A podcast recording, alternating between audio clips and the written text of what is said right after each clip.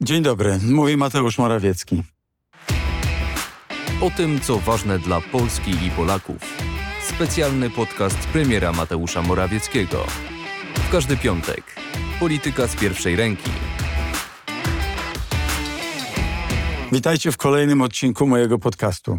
Ostatnio znajomy powiedział mi, że wszyscy podcasterzy i youtuberzy na początku i na końcu odcinka przypominają, żeby obserwować kanał, dawać łapki w górę i zostawiać komentarze. I że ja czasami o tym zapominam.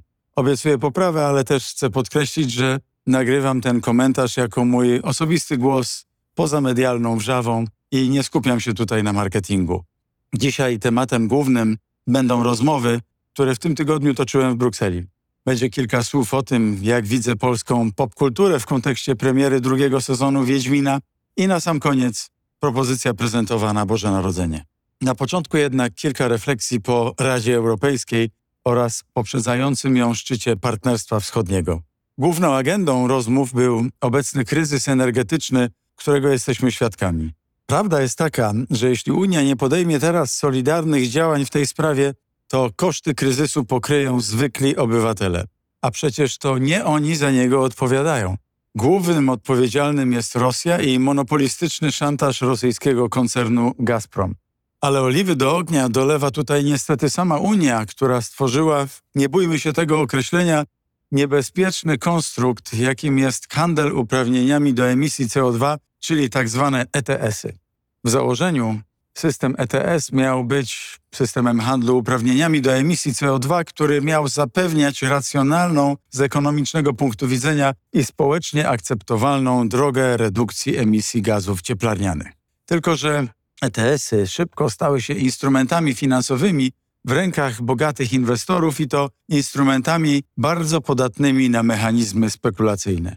Innymi słowy, ETS w obecnej formie to gratka dla giełdowych graczy, często w ogóle niezwiązanych z rynkiem energii. W ten sposób uprawnienia do emisji CO2 stają się tak samo dobrym towarem do wirtualnego handlu jak bitcoin czy akcje giełdowych spółek. Takie są fakty. W 2016 roku cena uprawnień do emisji CO2 wynosiła około 6 euro za tonę.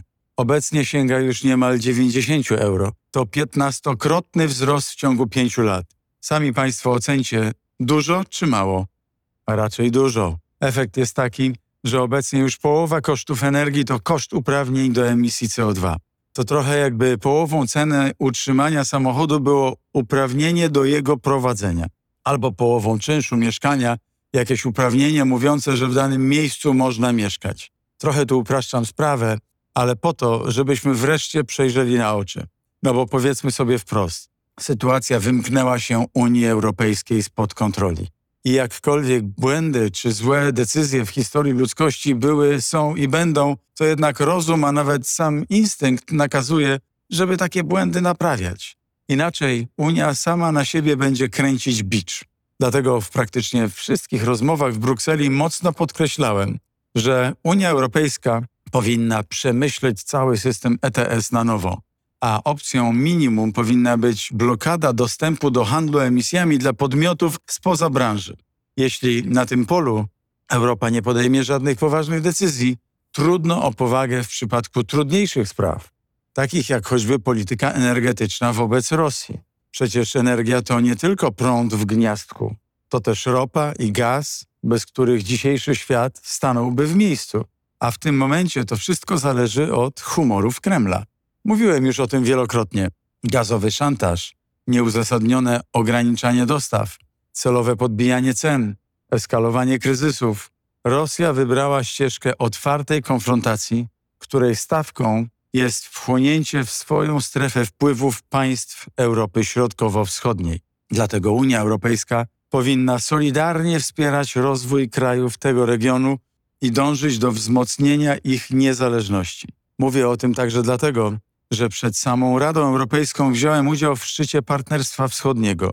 To część programu Europejskiej Polityki Sąsiedztwa skierowana do Ukrainy, Mołdawii, Gruzji, Azerbejdżanu i Armenii oraz do Białorusi, która nie włączyła się w działania programu.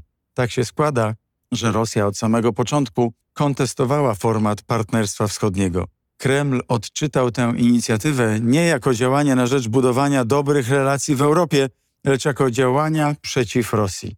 Tyle, że kiedy w czasie ostatniego szczytu rozmawiałem z innymi z liderami Ukrainy, Mołdawii i Gruzji, to wszyscy mówili, że czują taki lodowaty wiatr ze wschodu.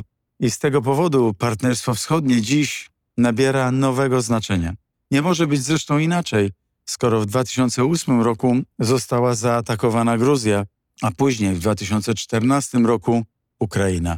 Dziś znów rosyjskie czołgi gromadzą się przy wschodniej granicy Ukrainy, a Mołdawia z kolei zmaga się z gazowym szantażem Kremla. Dlatego Unia w imię Solidarności powinna wspierać swoich wschodnich sąsiadów i sprawę ich niezależności i bezpieczeństwa włączyć do swojej agendy. Musimy wreszcie nauczyć się postrzegać Europę jako całość, tak złożoną z różnych, odmiennych części, ale wszystkie te części są tak samo ważne. I myślę, że przełamanie tej bariery mentalnej w pierwszej kolejności jest zadaniem dla Europy Zachodniej. Niedawno w Polsce wydano po raz pierwszy książkę amerykańskiego naukowca Larry'ego Wolfa. Książka nosi tytuł Wynalezienie Europy Wschodniej i opowiada o tym, jak w czasie oświecenia Europa Zachodnia zaczęła sobie opowiadać mity o Europie Wschodniej jako tej gorszej, wybrakowanej części naszego kontynentu. Wolf pisze wyraźnie, że nie chodziło o fakty, ale o wyobrażenia i stereotypy. Najwięksi oświeceniowcy, jak Voltaire czy Rousseau, wypowiadali się o wschodzie Europy w bardzo wyrazisty sposób, ale zapomnieli wspomnieć, że nigdy nie odwiedzili żadnego z krajów, o których piszą. Książka Ulfa została napisana w latach 90. Aż dziw, że tak długo trzeba było czekać na jej publikację po polsku. Ale prawda jest taka, że znaczna część polskich elit z dziwną satysfakcją przyjmowała ten podział na zachód i wschód, na to, co normalne i nienormalne, na to, co rozwinięte i rzekomo wybrakowane. Żeby ta opowieść jeszcze służyła elitom do namysłu nad własną kondycją duchową. Ale tak nie było. Jeśli już, to służyła elitom do biczowania Polaków, że nie dojrzeli do Europy. Zresztą dokładnie o tym pisze też Łukasz Moll w książce Nomadyczna Europa, wydanej kilka tygodni temu. Pisze o sobie, że jako młody Polak był przyuczany do kompleksów wobec Europy Zachodniej i że długo dawał się nabierać na taką opowieść, aż w końcu zobaczył, że to wszystko jest grubymi nićmi szyte. Polska i inne kraje Europy Środkowej miały być dla Zachodu lustrem, które na pytanie, kto jest najpiękniejszy na świecie, zawsze odpowiada tylko Paryż, Berlin, Amsterdam. Pewnie myślicie, że autor tej książki to człowiek związany może na przykład z prawem i sprawiedliwością, a ja tu dobieram sobie argumenty ze swojego podwórka. Muszę was zaskoczyć. Dr Łukasz Moll to człowiek o lewicowych poglądach i na różnych innych polach z nami polemizuje. Ale jeśli chodzi o diagnozę kompleksu europejskiego, zgadzamy się w zupełności.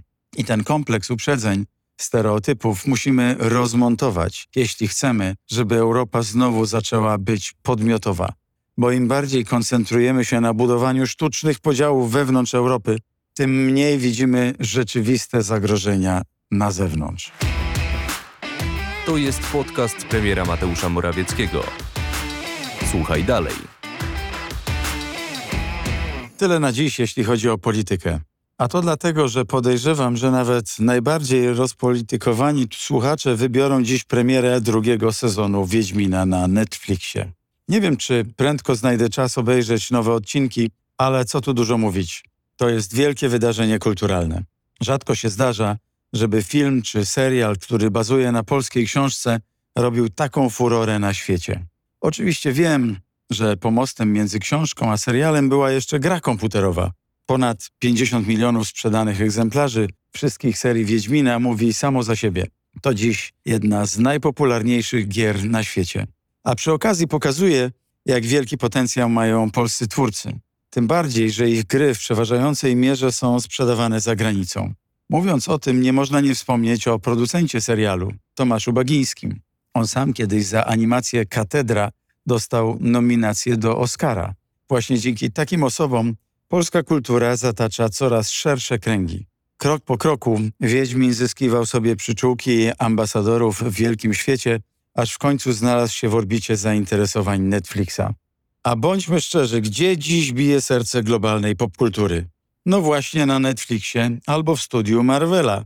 konserwatyści często trochę kręcą nosem, że popkultura to jest trochę gorszy gatunek kultury, że prawdziwa kultura to tylko ta robiona na wysokim C.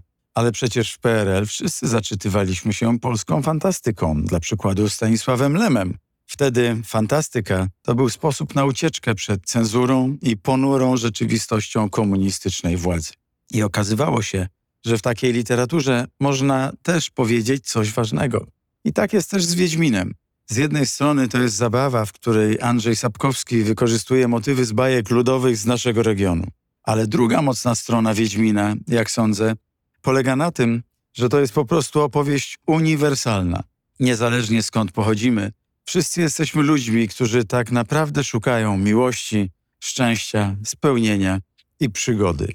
Wiedźmin świetnie pokazuje, jakie możliwości ma nasza wspaniała kultura, że sufit jest zawieszony bardzo wysoko. Wystarczy, że uwierzymy w swój potencjał. Tak samo jak kiedyś Andrzej Sapkowski uwierzył, że postać marudnego i trochę apatycznego Geralta może podbić świat.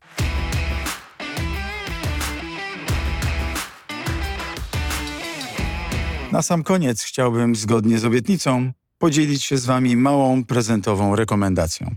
Czas przygotowań do świąt Bożego Narodzenia zawsze jest intensywny i wiem, że wielu z nas upominków dla najbliższych szuka na kilka dni przed Wigilią. Jeśli tak jest w Waszym przypadku, to chciałbym Wam polecić dopiero co wydany piąty tom dziejów Polski profesora Andrzeja Nowaka. Tak, tak, wiem, niektórzy z Was pomyślą, no tak, historyk poleca książkę historyczną, ale to nie dlatego o tym mówię. Cykl, który pan profesor Nowak pisze już równo 8 lat, to po prostu wyjątkowa sprawa. Wyobrażacie sobie, aby w pojedynkę napisać wielotomowe dzieło obejmujące ponad tysiącletnią historię Polski? Taki właśnie cel postawił sobie profesor Nowak i jest mniej więcej w połowie drogi. Wydawałoby się, że czas wielkich syntez mamy już za sobą. Tymczasem profesor Nowak mierzy się właśnie z takim zadaniem i to w fenomenalnym stylu. Bo to nie jest historia dzielenia włosa na czworo, z której radość mogą czerpać tylko specjaliści. Dzieje Polski to pasjonująca opowieść, która świetnie tłumaczy naszą historię. Odsłania sens tych zdarzeń, które przecież jakoś nas wszystkich uformowały. Zresztą swoje intencje przedstawia już w pierwszym tomie, który specjalnie tutaj sobie przygotowałem. Posłuchajcie. Na pewno próbuję bronić pamięci przeciw zapomnieniu. Powodem tego najważniejszym jest wdzięczność. Odczuwam ją wobec tych, którzy byli tutaj przede mną i zostawili mi coś wartościowego. Język, kulturę, jej znaki w otaczającym pejzażu, kościoły, domy, miasta, choćby mój Kraków, historię, czyli tożsamość. Koniec cytatu. Sami czujecie tutaj obietnicę nie tylko mówienia o przeszłości, ale też mówienia od siebie. I zdradzę wam, że tej obietnicy pan profesor fantastycznie dotrzymuje. Piąty tom obejmuje lata 1572-1632 i nosi podtytuł Imperium Rzeczypospolitej. Trochę nie nawykliśmy do myślenia o Polsce w kategoriach imperium, a to właśnie wtedy Rzeczpospolita przeżywała swój najlepszy okres. Nie chodzi mi tutaj o megalomanię, chodzi o prostą obserwację, że to był niezwykły moment dziejowy, w którym Rzeczpospolita mocno aspirowała do tytułu europejskiego mocarstwa, a który został zaprzepaszczony. I to jest słodko-gorzka lekcja na przyszłość, lekcja dla nas dziś, w 2021 roku. Ale książkę profesora Andrzeja Nowaka chcę polecić z jeszcze jednego powodu. Otóż w ostatnim czasie przeżywamy coś w rodzaju boomu na historię. Są jej przeróżne warianty. Historia ludowa, historia widziana z perspektywy kobiet, historia gospodarcza, czy wreszcie historie regionalne. Nie wymieniłem tu oczywiście wszystkich kategorii. To, co tutaj moim zdaniem widać jak na dłoni, to mocno odczuwany głód tożsamości. Wciąż pytamy o to, kim jesteśmy, skąd się wzięliśmy i co tutaj właściwie robimy. Dla mnie to naprawdę coś bardzo, bardzo ciekawego. Ale widzę też tendencję do zacierania granic między pisaniem historiografii a budowaniem narracji. Często jest tak, że tworzy się opozycja między tymi historiami, które wymieniłem, a historią ogólną. I jest z tym związana jakaś rewolucyjna lub młodzieńcza nadgorliwość, która często okazuje się ślepą uliczką, nie wytrzymując próby czasu. Profesor Nowak tego błędu unika. Pisze o historii w sposób ogólny i dla wszystkich. Pisze z wyjątkową pasją i uczciwością. Mówiąc krótko, robi porządną robotę historyczną w oprawie pięknej opowieści, a nie politykę. Dlatego jeszcze raz, dla każdego, kto jeszcze nie ma pomysłu na świąteczny prezent, dzieje Polski Andrzeja Nowaka. Bardzo, bardzo polecam. Moi drodzy, tym akcentem kończę. Żegnam się z wami i dziękuję, że tutaj jesteście. Za tydzień święta, więc będzie odcinek specjalny, odcinek świąteczny. Tymczasem trzymajcie się wszyscy w zdrowiu. Uważajcie na siebie i na swoich najbliższych. Udanych przygotowań do świąt, dobrego weekendu i dobrego tygodnia dla was wszystkich. Do usłyszenia. Mówił Mateusz Morawiecki. Podcast jest dostępny w serwisach Spotify, Google Podcast oraz Apple Podcast.